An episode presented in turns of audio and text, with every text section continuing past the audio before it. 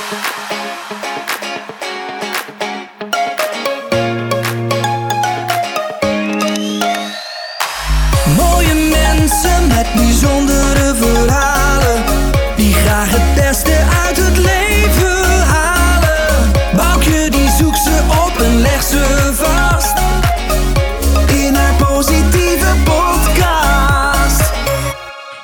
Positiviteitspodcast. Mijn naam is Boukje Jongendijk en mijn gasten van vandaag zijn Leo Bormans en Kadir Nadiri. Leo Bormans is onderzoeker, journalist en schrijver van internationale bestsellers over hoop, liefde en geluk. Zo heeft hij onder andere de World Book of Happiness geschreven.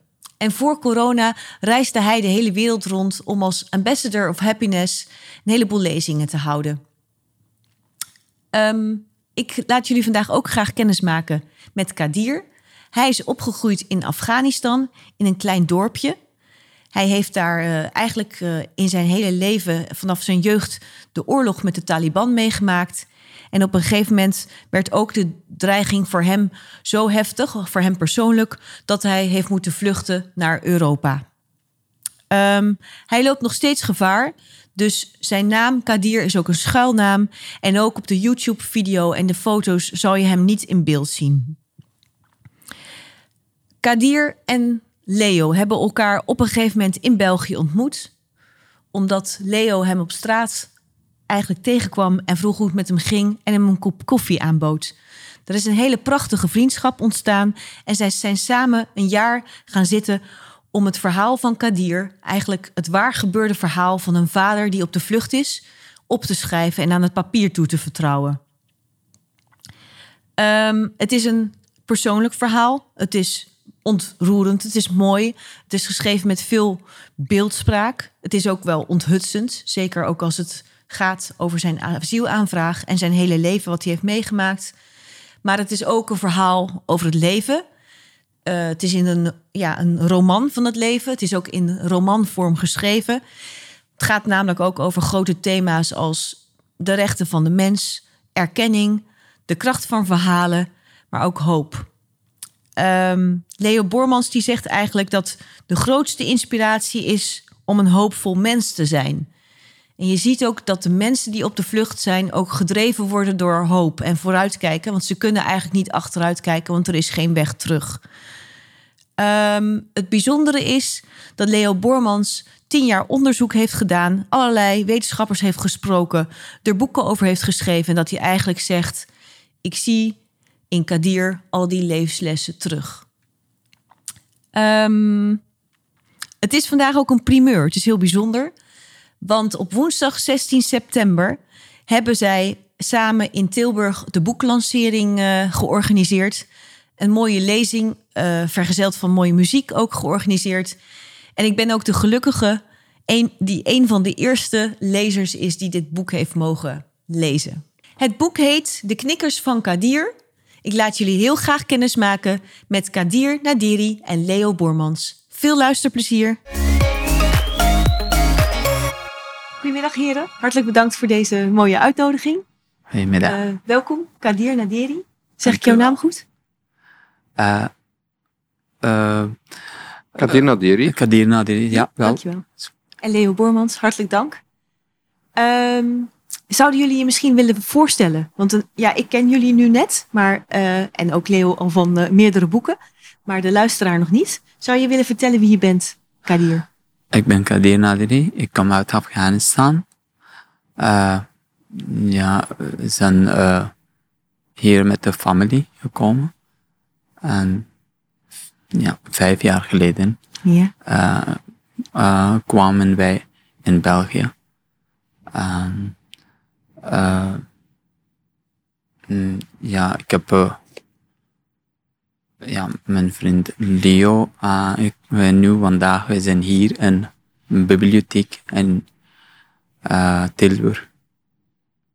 En ik ben blij dat ik ben hier en met je interview doen. Dank u wel. Ja, ik ben Leo Bormans. Ik schrijf boeken over geluk en hoop en liefde. En ik uh, doe daar wetenschappelijk onderzoek naar. En dat is voorbij tien jaar de kern van mijn leven geweest. Ik heb de wereld rondgereisd. Met corona zijn we verplicht om uh, op die anderhalve meter te blijven. Mm -hmm. Maar dat hele wetenschappelijk onderzoek, wat in de World Book of Happiness, de World Book of Hope heeft mm -hmm. geresulteerd, uh, zie ik nu in levende lijf voorbij komen dankzij Kadir, die ik heb leren kennen als een, een van de vluchtelingen in het dorp waar wij wonen. Uh, vijf jaar geleden ging daar een vluchtelingenkamp open. Uh, en kwamen er 500 vluchtelingen. Er was um, angst in het dorp en paniek. En mijn vrouw en ik gingen kijken op die zondag toen ze arriveerden in het dorp. Waar zijn die vluchtelingen nu? En er waren er geen te zien, tot wij één zagen met zijn vrouw en zijn kindjes. We zeggen, are you refugees? Uh, yes, shall we drink a cup of coffee?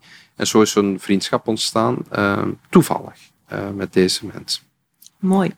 En je zegt eigenlijk, alle studie van de afgelopen jaren zie ik nu terug in dit uh, mooie gezin. Ja, in een hoop. Hè. In komen uit een heel moeilijke situatie. Hè. Als je hun leven leert kennen, dan zeg je, ja, dit is verschrikkelijk. Hè. Mensen die in de oorlog zijn geboren in zo'n gruwelijke oorlog. Um, het, Afghanistan is het ongelukkigste land ter wereld. Hè. Staat onderaan en alles het meest corrupte, het meest ongelukkige land. En dan zie je België en Nederland in die top 20 mm -hmm. van die gelukkige mm -hmm. landen. En dan zitten wij te zeuren over het weer en over weet ik wat. En dan ja. kom je te maken met die mensen. En dan leer je eigenlijk wat de essentie is. En ze hebben mij uh, veel meer geleerd dan al het onderzoek wat ik uh, in boeken kan lezen. Ja, en dan heb ik gehoord um, dat jij eigenlijk vond dat het verhaal uh, ja, ook opgeschreven moest worden, uh, gelezen moest worden, verspreid moest worden. En jullie hebben samen dus de pen opgepakt. Ja. Hoe is dat gegaan? Ja, dit verhaal schreeuwt om verteld te worden. Uh, we hebben vijf, drie keer zijn ze het land uitgezet met hun gezin. Ze werden uitgewezen om allerlei onnozele redenen die men bedacht. En ondertussen hadden wij um, met honderd vrienden van hem en van ons, uh, niet allemaal mensen die ik ken, mm-hmm. beslist dat zij onmogelijk het land uit konden, dat ze in gevaar zijn. En dat zegt ook iedereen tegen ons, maar dat wilde Brussel niet geloven. Uh, dus hebben we een menselijk schild gevormd uh, de voorbije jaren, waarin als je met 100 mensen elke dag 50 cent geeft, dan heb je 50 euro per dag, dat is 1500 mm-hmm. euro per maand. Dan kan je een huis mee huren, dan kan je de advocaat mee betalen, kinderen naar school sturen en eten en drinken zorgen. Dat hebben we niet gedaan uit liefdadigheid, maar uit rechtvaardigheid. Het gevoel van deze mensen zijn werkelijk in nood en we gaan tot het uiterste. En uiteindelijk, nu meer dan een jaar geleden, heeft hij zijn papieren gekregen, maar hij heeft wel vier jaar met het hakmes boven zijn hoofd en boven dat van zijn kinderen geleefd. En toen dat allemaal in orde was, die papieren, toen zijn we niet alleen beginnen huilen van blijdschap, maar ook een beetje van woede. Van ja, dit verhaal moet verteld worden. En niet alleen de juridische strijd, maar ik heb voor het eerst ook naar zijn emoties geluisterd. Wat was je eigenlijk voor een jongetje toen je acht jaar oud was? Hoe was dat leven in Afghanistan? En dan ontdek je dat het enige waardevolle dat hij had waren acht knikkers. Um, en als hij in het kamp aankwam, mocht hij zijn waardevolle spullen in, in een lokker steken. En dan heeft hij er acht knikkers in gestoken, want hij had niks anders dat waardevol was. En zo zijn we echt bij de kern van de zaak gekomen. Van wat is dan belangrijk in een mensenleven? En misschien zijn dat de knikkers van onze jeugd die stilaan verliest met het volwassen worden. We hebben niet alleen een verhaal opgeschreven van een vluchteling, maar we hebben een roman geschreven mm-hmm. die gaat over noodlot en toeval, over identiteit, over onze zoektocht naar geluk, over ons doorzettingsvermogen en onze waarde als mens. Mm-hmm. En dus zijn we dat gaan opschrijven met één adem en één pen. Um, het is niet zo dat hij wat geschreven heeft en ik, maar we hebben samen een verhaal geschreven dat zo diep onder de huid gaat, omdat het um, pas mogelijk is dankzij het feit dat wij elkaar vertrouwen en elkaar ook al vijf jaar kennen en eigenlijk elkaars beste vrienden zijn. Ja, prachtig. En Kadir, ja. Um, toen kwam je in België en ik weet uit het boek dat jij jezelf heel veel hebt geleerd, hè, zonder dat je leraren had, zonder dat je boeken had. Hoe kon je met Leo praten? Was dat Engels? Wat was dat? Hoe, ja. Uh... ja toen ik kwam in, uh, uh, in België, in Brussel, en ik, ik, wil, ik bleef een dag in Brussel, daarna Brussel stuurde mij in, uh, in dorp. Dan, mhm. toen kwam ik in een dorp en dan de andere dag en mijn familie en ik, we, gaan, we gingen uh, in dorp en dan toen we wandelen uh, ja, door de straat, uh, ja, en heb ik gezien Leo Bormans met uh, zijn vrouw. En hij heeft gesproken Engels aan mij zegt, are you refugee? I said, yes. Uh, where, where, come you're, where come you from? And then I said, yes, I come from Afghanistan. He, uh, yeah, he uh, asked me, do you want a coffee? Yes, uh, yes, uh, if if possible, and we uh, go together and uh, one coffee, drink, and then uh, Dankzij Eh, het feit dat jij Engels kende, konden we ook met Ja, elkaar spreken. Ja. Want ik spreek nog wel eens Ja. met vluchtelingen, maar die kunnen niet meer zeggen dan yes en no. Maar jij hebt heel snel, eh, heel genuanceerd Engels en Nederlands geleerd. Eh, nochtans was je nooit naar school geweest. hè? yes, this is uh, uh, I. Ja, ik heb geleerd Engels eh, door de oude kranten eh, van de Amerikaanse soldaten. En toen ik heb gewerkt met de Amerikaanse soldaten, ja, Eh, ja, ik altijd zoek waar is Engels, Engels. Dan ik neem de oude kraan, oude boeken en dan kijk ik altijd zoek voor woorden. En ik vertel de wo- wo- woorden dat ik begreep niet. Dan overdag ik bespreken met de uh, Amerikaanse soldaten. Dat is een goede eh, oefening voor mij. En ja, toen, ja, toen ik kwam eh, in België, heb ik, eh, toen ik eh, Leo ken en dan ik heb gesproken Engels met Leo, dan dat is goede contacteren met Leo, dan Ja. eh, versta me goed eh, met Engels. En daarna eh ik eh, besliste eh, om Nederlands te leren. Eh, ja, ik ben bezig met de Nederlandse taal. ja. En jullie hebben ook hele mooie beeldspraak in het boek. Dus dat heb je samen, jullie verhalen heb je bij elkaar gebracht. En je hebt er een- ook een mooie saus over gedaan. Je hebt een heleboel elementen uit jouw land en uit jouw verhalen. Van, zowel van je moeder als je vader. Hebben jullie ja, samengebracht. Eh, Dus, ja. Ja, eh, eh, ik ben geboren in oorlog. In Afghanistan is Ja. heel lange oorlog en een verschillende oorlog. Mhm, En mijn moeder is altijd eh, een verhaal vertellen mhm. over Rostam. Eh, Rostam is een een helden. Hij heeft ook een eh, paard. Mhm. Eh, de paard van Rostam noemt dat Raksha. En hij gaat op de bergen hij, eh, veiligheid maken voor de mensen. Hij vecht eh, tegen de dragers, eh, dragons en olifant en eh, tiger. En ehm, eh, mijn, mijn moeder z- zeggen voor eh, ons eh, het verhaal van de eh, Rostam.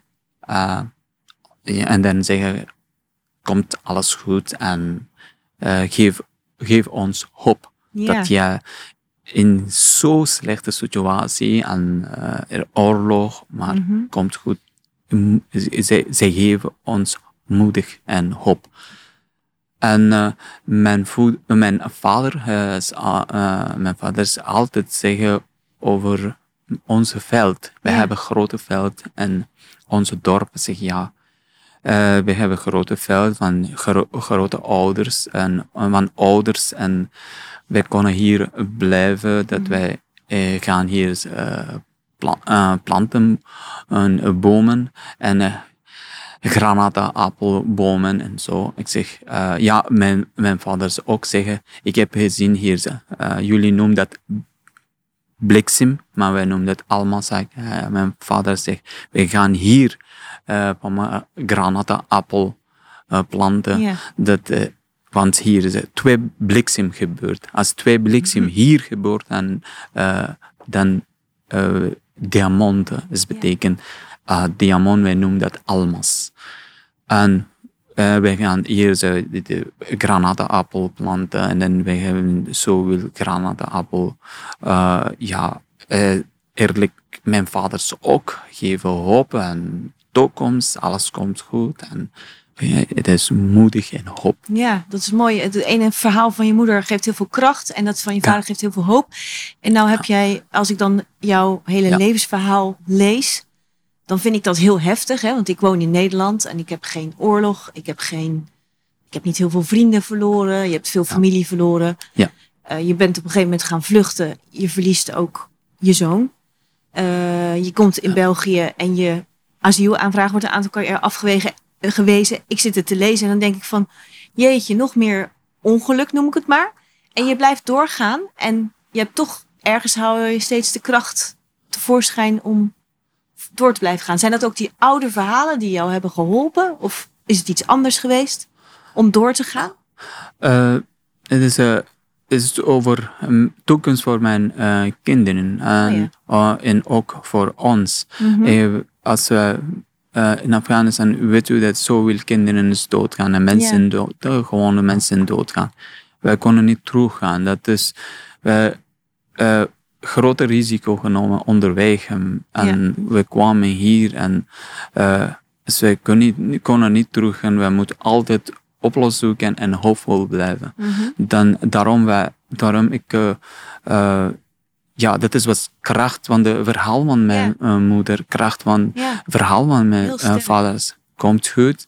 Hier is we hebben de, de bomen eh, geplant en mijn, mijn, mijn moeder zegt, Rostam is sterke man, helden, vechten met dansen. En dan ik, dat de, het verhaal is in mijn hoofd. Ja. En er is een probleem, komt van de onderweg en eh, over Mhm. onze papier. Maar toch, eh, ik heb stress, maar ik ga eh, door het bos en ik eh, loop en ik soms ik roepen door het bos om eh, ik een beetje rustig blijven. Ik word kwaad voor de situatie, Mhm.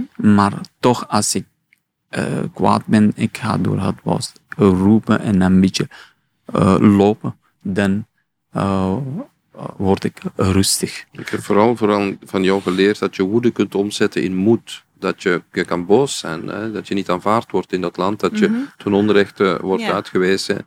Eh, maar je kan er ook moed uit halen en nooit opgeven. Ja. En eh, mensen die daarin slagen om niet in hun woede te blijven hangen, maar ook in moeilijke omstandigheden moed te blijven tonen en, en je te verbinden met andere mensen. Dat is, zijn dingen die we in het onderzoek wel zien dat hoopvolle mensen doen. Doelen stellen, wegen vinden, eigenaar blijven van jouw leven.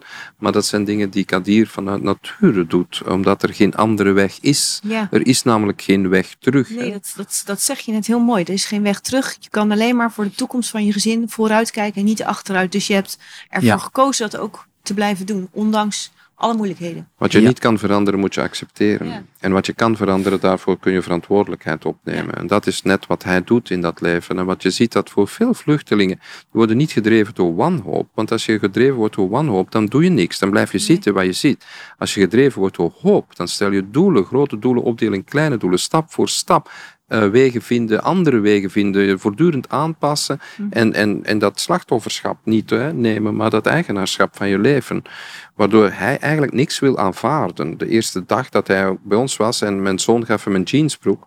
En hij ging naar het vluchtelingenkamp en hij ging een jeansbroek passen. En tien minuten later stond hij terug voor onze deur met die jeansbroek en zei: Ja, die past perfect. Maar er zat nog 10 euro in en die kom ik terugbrengen. Eh, ik zeg: Nee, die mag je houden. Nee, zegt hij, die geef ik terug. En als, altijd als hij dat soort gedrag vertoont, zie je dat hij eigenlijk niks wil ontvangen. Hij wil geven. Hij wil niet met zijn hand openstaan. Hij wil gewoon mens zijn onder de mensen. En dan komt altijd zoiets, ik zeg, hoe komt nu dat je die 10 euro wil terugbrengen? En dan komt altijd zoiets als van, my father always told me that if you bring one dollar in the house that is not your dollar, I'll send you back. Hè? En dan zie je dat wij terugvallen op oude waardepatronen die wij van onze ouders hebben geleerd. Of je nu in Afghanistan of in Nederland of in België woont. Het zijn die waardenpatronen die wij allemaal delen, die universeel zijn. En in die verhalen, die waarden, kunnen wij elkaar ontmoeten. Ook al verschilt zijn leven totaal van dat van jou en dat van mij, kunnen wij ons toch ontmoeten in die verhalen. Als je dan ziet, hij, is, hij noemt zichzelf ook geen vluchteling. Hij noemt zichzelf een vader op de vlucht. Ja. Dat is totaal iets anders. Hè. Het is, zijn leven is niet een, zijn identiteit is niet een vluchteling. zijn identiteit is, ik ben een papa en ik moet voor mijn kinderen, eh, moeten wij nu weg. Want Mhm. de, de imam in het dorp had zijn vader verwittigd dat ze hem zouden de keel komen oversnijden omdat hij voor de Mhm. internationale troepen werkte. Dan is hij onmiddellijk gevlucht. Wat helemaal niet zijn plan was, maar wat ze Mhm. wel moeten doen hebben. Op korte tijd is zijn zoontje eh, in zijn armen gestorven, maar ze hebben tegen de meisjes nooit gezegd dat ze vluchten. Ze hebben gezegd, Ja. we gaan ergens naartoe. Maar dat kan hij beter vertellen Ja, dan, want dan ik. Kadir, heb jij eigenlijk wat jouw ouders hebben gedaan, heb je dat ook met je kinderen gedaan? Hè? Want jouw kinderen moesten natuurlijk iets heel moeilijks gaan doen. Die moesten gaan, nou ja, vluchten, in ieder geval naar, uit hun eigen omgeving weg. De mensensmokkelaars wilden de kinderen Ja. zelfs niet Ja. meenemen. Nee, want Ja, en ja, toen, de- i- toen we gevloogd en de smokkelaar is altijd, soms ik heb gevraagd, man, uh, smokkelaar, uh, wat is jouw naam? Hij zegt, call me money. En Mm. ik heb probleem met ook, hij zegt, uh, discussie, ik kan niet uh, jouw kinderen meenemen, want ze, ze zijn wienen in lawaai maken, Ja. ze zijn wienen in lawaai maken uh, door de grens en de politie is weer vetig, dan door de juli en krijgen de alle groep uh, in, in, in gevaar. Probleem, ja. Een probleem. En dan ik zeg, ik kan niet vertrekken zonder mijn familie. Het is onmogelijk. En uh, de, daarna, mijn uh, vrouw heeft gezegd dat als wij een verhaal vertellen, de kinderen zijn stil. Zijn. Ik zeg, dat is heel goed, maar welke verhaal wij moeten zeggen. Mhm. En mijn vrouw zegt, de, de kinderen ze hebben gezien Arusi. Arusi, jullie noemen dat grote troofeest. Ja. En uh, dat is, ik zeg, heel goed. En uh, de, mijn vrouw is altijd blijven vertellen. Toen we waren onderweg en uh, mijn vrouw is uh, blijven vertellen uh, het verhaal van Arusi. Toen waren wij in Iran aan, door, in, de- in de stad. De kinderen zijn staat voor de winkel zegt, uh, papa, er zijn twee mooie jurkjes. Wij, kunnen wij kopen deze voor grote trofees? grote ja, dus uh, wij kopen dat, is niet zoveel. Ja. En uh, dat ze zegt, ja, wij, wij konden niet met de vuile kleren naar grote trofees gaan. En uh, we hadden uh, die twee jurkjes gekocht en we hebben die twee jurkjes al gebracht hier. Ja. Uh, Dus de twee jurkjes Ja, hebben jullie tijdens de, de hele Ja. reis gekocht en ook Ja. bij je gehouden. Ja, bij gehouden. Ja, en, ik schrok natuurlijk toen ik Ja. zag wat er in zijn rugzak zat. En dat hij plots die jurkjes hadden, die meisjes, die jurkjes aan op het eerste schoolfeest. En ik zeg, waar komen die jurkjes nou vandaan? Nou, die hebben we meegebracht van de vlucht. Ik dacht, wat zit er in een rugzak van een vluchteling? Een meisje, een Kalashnikov, een, een, een, een wereldkaart. Hij had niet eens een plattegrond, hij had Nee, niks. geen kompas, maar hij had wel, Nee. had wel acht knikkers bij en, en, Ja. en de kleedjes die het symbool waren van een droom, een toekomst. Ze Ja. vluchten niet weg van iets, maar naar iets. En dat is iets wat we allemaal kunnen leren in ons leven. Van niet weg te vluchten voor de problemen, maar te gaan naar iets. Naar iets positiefs, naar een oplossing. En dan is de metafoor, zijn dan die knikkers en die kleedjes, Ja. en die, die een symbool zijn voor de kracht van een mens en voor de verbeelding die we hebben. Want zij konden zich natuurlijk niet voorstellen. Ze hadden nooit van Europa gehoord, ze hadden geen televisie gezien, ze hadden geen beelden gezien, ze Ja. wisten ook niet van een kaart of een plattegrond. Dus mensensmokkelaars zetten jou plots af, dan ben je in Brussel na drie maanden helse tocht van mensen die verdronken zijn onderweg. Ja. Ze hebben op die bootjes gezeten, ze hebben zoveel mensen zien verdrinken. En dan plots kom je in zo'n wereld terecht eh, waarvan je denkt, ja, wat is me dit? En want dan, ik, eh, soms gaat hij mee met lezingen voor mij, met, die ik geef. En we waren in de Efteling. En, ehm, en toen zijn we in de Efteling geweest. En dat was heel gek voor hem. Ja. Want ik vroeg nadien, wat vond je nu eigenlijk van de Efteling? En wat vind je eigenlijk van de Efteling? Jullie wonen een hefteling. ja, Ja, we zijn dat vergeten, We zijn zegt hij. Efteling, Ja, ja. Jullie, jullie betalen 35 euro om naar plastieke bloemen Ja. te gaan kijken die open gaan. En bij ons in, in, in uw eigen dorp is een Ja. vijver met waterlelies. En daar heb ik nog nooit iemand gezien die, Ja. die naar die waterlelies komt kijken. Jullie wonen in de Efteling, maar jullie zijn dat vergeten. Ja, alles vinden we gewoon, hè, lijkt het wel. Van, eh, Ja. Dan moeten we naar een of ander park om eh, ons de ogen weer te openen. Ja. Help, corona helpt ons om opnieuw na te denken over wat echt belangrijk is in ons leven. Niets was, alles was vanzelfsprekend. We sprongen een vliegtuig op, Ja. we vlogen naar Barcelona. We gingen overal waar we gingen. En, en nog gingen we zeuren en klagen over wat er allemaal niet goed was. En Terwijl niets is vanzelfsprekend en, en over het weer. Ja. En zo'n, het verhaal van Kadir en, en zijn knikkers zorgt ervoor dat wij met onze voeten op de grond worden gezet. Net als corona dat doet. En nadenken over wat echt belangrijk is in ons leven. Ja. Want Kadir, ehm, qua bezittingen had je, had je niks, maar je had jouw, het mooie boek van jullie, heet naar jouw knikkers uit je jeugd. Hè? Ja. Ja. Want dat is iets wat je ook graag deed vroeger. Of hoe, eh, Uh, uh, ja, eh, toen ik uh, zeven jaar was en dan had ik een vriend, Ayub, en we zijn samen. We hebben geen speelgoed, maar Mhm. gewoon acht knikkers. Ja. De enige speelgoed hebben wij, de knikkers. En wij spelen met de knikkers. We hebben één je, Het is een nationale volkssport, hè? Knikkeren ja, de knikkers, ja, de knikkers, eh, de zijn voor de arme mensen, de vliegers. eh, De, vlieger, eh, Ja. de vliegers zijn voor de rijke de vliegers mensen. Dan de zijn vliegeraar, voor- dat is voor de rijken. En ja, de knikkers zijn voor de arme mensen. Ja, en we spelen met de, mijn vrienden. eh, ja, wij noemen dat de, in het spel bombardement. En die, wij maken cirkel, wij leggen de knikkers in de midden en Mhm. wij gooien de grote knikkers, wij noemen dat sanka. Ja, dat, is deze ja. mooie. Prachtig. Ja, Ja. gooi die grote knikkers op de, naar, naar beneden. De, als de eh knieën uit, eh, springt uit de eh, cirkel, dat is van mij. En dat was... En de jongen, want dat je altijd mee knikkerde, ehm, die speelde vals. En die Ja. speelde vals Ja. met de knikkers. Ja, eh, En dan heeft hij hem twintig jaar niet gezien. En dan plots is hij in Kabul op zoek naar een mensensmokkelaar. En dat bleek die jongen te zijn die Hij vals speelde met de knikkers. Ongelooflijk, hè? Hoe de wegen weer kunnen kruisen dan, hè? ja, Mm. ja, Ja. ja. hij helpt mij voor de... eh, ik, eh, hij, ik ken de smokkelaar, hij, eh, hij helpt me eh, hoe kon vluchten. Kadir, en nou ben je met je gezin al even in, in België, hè? Ja. Maar eh, dat moet natuurlijk een hele ja, verandering zijn geweest. Eh, ja, nu ehm, ik zie eh toekomst voor mijn kinderen, voor ons. Ja. En eh, ik zie zijn stap voor stap, zij studeren, ze, ze ging naar school, Ja. ze zijn blij. Mhm. En eh, ja, elke dag wij krijgen een nieuwe stap. En er is eh, like, eh, eh, gaan vooruit en ik zie onze toekomst. ja. En ja, ik zie verschil. Ja, en, en zie je, want je gaf net al iets aan met de Efteling, maar zie je ook verschil in hoe de mensen in een land in vrede, in tegenstelling tot een land in oorlog Ja, doen? ja, ja. ik zie hier ja, meestal gelijkheid. En Mhm. ik zie mensen tussen, eh, ja, tussen vrouw en man, tussen eh, Ja. kleuren, Mhm. eh, tussen eh, eh, godsdienst, tussen eh, etnics. eh, Mhm. Ze zijn eh, gelijk. eh. Je leert En- eigenlijk de mensenrechten kennen. Hè? Want Ja. ik was een tekst over de mensenrechten aan het schrijven. En toen zat hij naast mij aan de computer. En hij zegt, wat is dat voor een tekst? Ik zeg, ja, dat gaat over de mensenrechten. En dan zegt hij, ja, wat is dat? En dan leert hij, ja, iedere godsdienst is gelijk. En elke er is geen discriminatie en zo. Hij zegt, wie heeft die tekst geschreven? Ik zeg, ja, de mensen, wij hebben Mhm. dat gedaan. Eh, na de oorlog hebben we gezegd, ja, er moet, dit, dit is waar we als mens voor staan.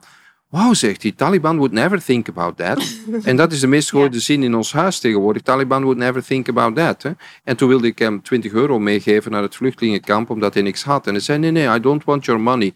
But I would like to have a copy of your text, because your money is only money and the text Ja. is gold. Ja. En dan hangt hij die op in zijn vluchtelingencontainer als, als waardevol van de mensenrechten. En eh, omdat dat net, dat net ge- datgene is wat in, in Afghanistan niet niet, geldt. Nu niet, vroeger niet en waarschijnlijk later niet. Dat is iets wat, eh, wat gewoon niet aanvaard wordt. En dan zie je dat, dat zo'n eenvoudige dingen als rechten van de mens, dat dat voor heel veel mensen niet vanzelfsprekend is. Nee, en dat wij dus eigenlijk in landen van vrede en waar alles dus al geregeld is voor ons, het allemaal heel vanzelfsprekend vinden.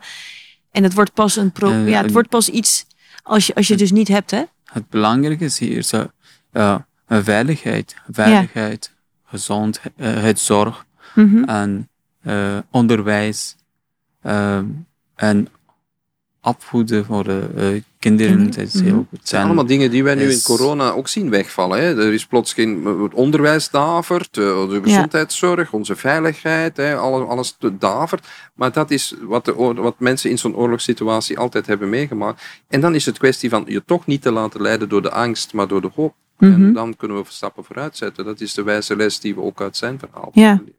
Is heel mooi. En ehm, heb je, hebben jullie met het boek een bepaalde missie voor andere mensen? Hè? Van, eh, wat ga je de komende tijd doen? Want je hebt nu, het boek is nu echt net, eh, eigenlijk wordt het gelanceerd. En ehm, Ja, ik, eh, de reden is, we hebben samen met Leo een boek geschreven.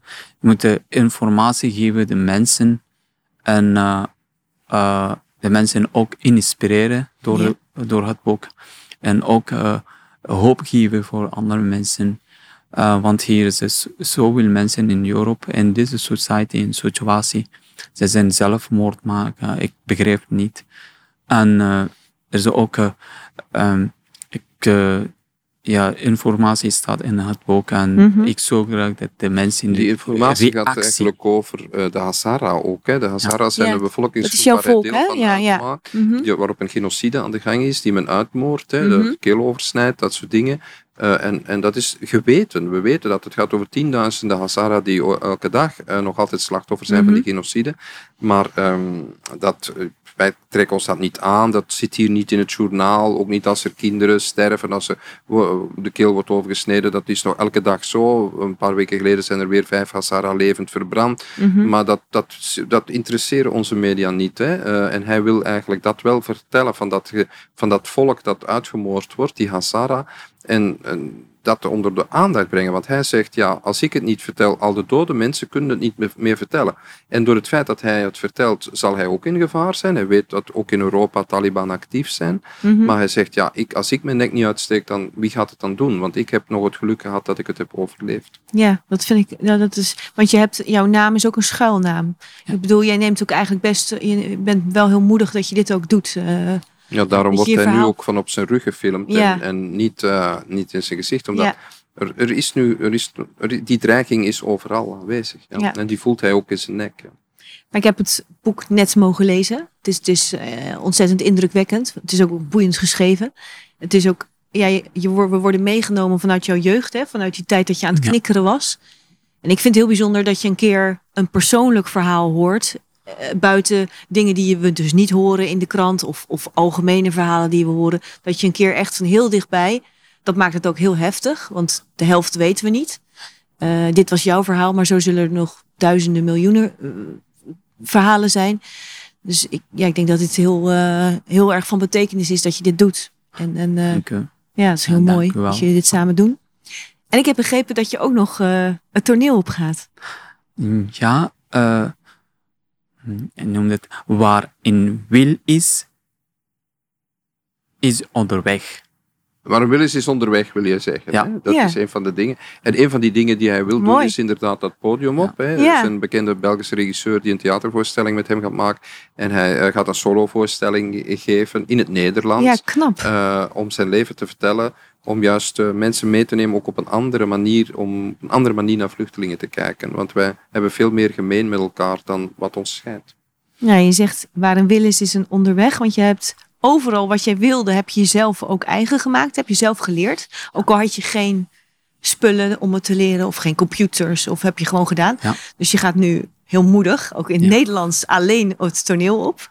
Ja. En je zegt, is een onderweg. Want je hebt natuurlijk ook, jouw levensverhaal is een grote onderweg geweest. Van, Ja. van je eigen land naar toch een heel ander land. Waar je dan weer alles moet gaan opbouwen. Dat is heel mooi. Dank u. En dit is eigenlijk wel een hele mooie levensmotto. En Leo, eh, heb jij ook nog een, eh, in dit verband een, Ja, ik een weet dat spreuk? jij al de podcast eindigt met een Ja, ik- motto. ik hè. vraag Dus dat heb naar, ik- vind ik, er wel, ik moet daar niet lang over nadenken. Ik heb zo'n levensmotto. Dat is ondanks alles en juist daarom. Ja, Ehm, er is heel veel. Er is altijd een ondanks alles. Er is altijd iets dat tegenstaat. Er is altijd een obstakel. Maar juist daarom moet je in actie komen. Als je onrecht ziet, moet je recht staan. Als je een probleem ziet, dan moet je dat aanpakken. Als je, dat is mijn motto. Er is veel weerstand, maar net omwille van die weerstand eh, komen we in Juist actie. Een vliegtuig stijgt Ja. maar op tegen de wind in. Dus we hebben met dit verhaal heel veel weerstand tegengekomen, heel veel problemen. ja. Maar dat heeft ons ook een nieuwe manier van kijken naar de mensen gegeven, ook heel veel energie gegeven. En dat is voor elke mens zo, dat je niet opgeeft bij de minste weerstand, maar dat je net die weerstand gebruikt als een springplank om eh, een nieuwe stap te zetten in je leven. mooi. Kadir, wil jij nog iets aan het verhaal toevoegen? Is er nog iets wat je wil vertellen aan de mensen? Of zeg je van, nou, dit is het Ja, en lees vooral mijn boek? Ja, ja altijd is, de mensen vragen mij, eh, wat wil je doen in de toekomst in België en Europa? ja, Ik zou graag de mensen inspireren. En ook, als, eh, ja, ik al gedaan en ik, ik heb eh voorlezingen gegeven aan de school. Ja. als eh, vrijwilligerswerk gedaan. Mhm. En eh dikwijls, ik heb gezegd dat je, je jonge mensen en eh, voor de mensen dat je, eh, hier is heel veel kans. En ja, probeer de kansen nemen en doelen stellen, wegen vinden, eh, maak een mooie toekomst. Eh, je, kan, je kan bouwen een mooie toekomst hier, want door de eh, goede kans Ja. jullie hebben. Je moet Ja. een podcast beginnen over positief denken. Dat Ja, zit doe je mee met mij? Ja, Oké, dat ziet er helemaal goed uit. Dat is, eh, maar jij vertelt het gewoon vanuit je eigen leven. Ja. En dat is eh Dat daarom een is het zo krachtige krachtig. boodschap Ja, voor ons allemaal. prachtig. Leo, Daarom ben ik hem ook zo dankbaar. Dat wij, hij heeft, hij- hij- ik heb veel meer ontvangen van hem dan hij van mij. Nou, ik denk dat het een. Eh, dat, ik denk dat, het heel mooi, dat het heel mooi samenkomt. Kijk, je hebt het, het, het bijzondere is, je hebt het vanuit een wereld in vrede heb je het bestudeerd. En je hebt vanuit een wereld met oorlog heb je het meegemaakt. En, eh, En dan en- zegt hij, dat zijn die twee bliksemschichten die jij- jij samenkwamen. Jij, was een bliksemschicht en ik was een bliksemschicht. Ja. En op die plek ontstaat diamant. En dat Ja. is dan onze vriendschap. En dat en een granaatappelboom. Ja. En is een granaatappel is een feestelijke eh, vrucht eh, bij En- jullie? Eh, voor ons is uh, ja, feestelijk eh, eh. En ook, eh, eh, we hebben Nowruz, het staat in, de, uh, in het boek. Ja. 21 maart, in de eerste dag van ons jaar. Mhm. Uh, en dan we noemen dat Nowruz, is betekent de eerste dag van het jaar. Ja. En we hebben feestje gemaakt en dus anaar en ook uh, zeven verschillende noten. En wij leggen ook een stukje, uh, stukje mm, gras op de...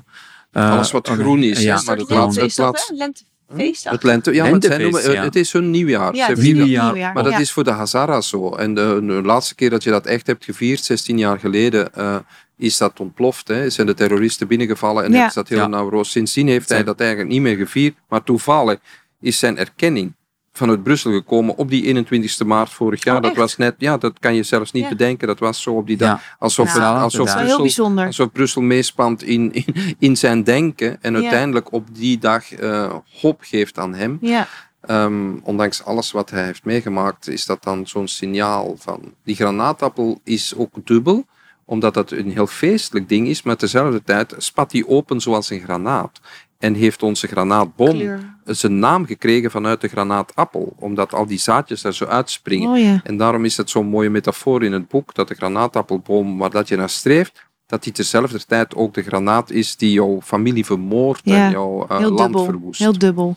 Een verdrietige herinnering en toch iets, iets, iets van hoop. Ja. Van, eh, Hier is ook, uh, ik heb een volgetuintje ja, en ik heb zo verschillende groenten ja. uh, gehad. En uh, ja, het u uh, gezegd over granatappel. Wij gaan de granatappel hier in de tuin geplant. Oh, mooi. Ik, ik zal planten. Ja, En uh, ja, Als een symbool. Ja, van is hier mooi. is dan Ja. de plek waar de bliksemschichten zijn samengevallen. Mijn vader is ondertussen vermoord, mijn gezin is uitgemoord. Ik heb zoveel meegemaakt, maar er is een plek van hoop. Dat is in dat volkstuintje waar hij koriander en, en, en radijsjes kweekt. En ondertussen zegt hij, hier ga ik nu mijn granaatappelboom planten. Ja. Ik hoop dat iedereen in zijn leven ergens een plek vindt nieuwe... waar hij zijn eigen granaatappelboom kan planten. ja, dat is heel mooi. Ik denk dat wij dat ook eens moeten doen. Waar kunnen mensen, als eh, ze contact met jullie willen opnemen om eh, jullie verhaal te horen, jullie kunnen eh, jullie vinden? Ja, we trekken het land eruit door en de, de theatervoorstelling is beschikbaar vanaf januari, maar het boek is overal verkrijgbaar en er is een website waarin we ook het nieuws van de familie updaten en we de toestand van Afghanistan volgen en de Hazara. Die website is www.deknikkersvankadir.com en daar kan je ook het boek bestellen, maar het is ook overal verkrijgbaar. En eh, ik hoop dat mensen die, die link blijven leggen tussen die problemen die wij hebben, dat dat vaak maar kleine knikkers zijn vergeleken met de bombardementen die heel veel andere mensen hebben. Hartelijk dank voor dit mooie gesprek. Dank. Dankjewel. dank u wel.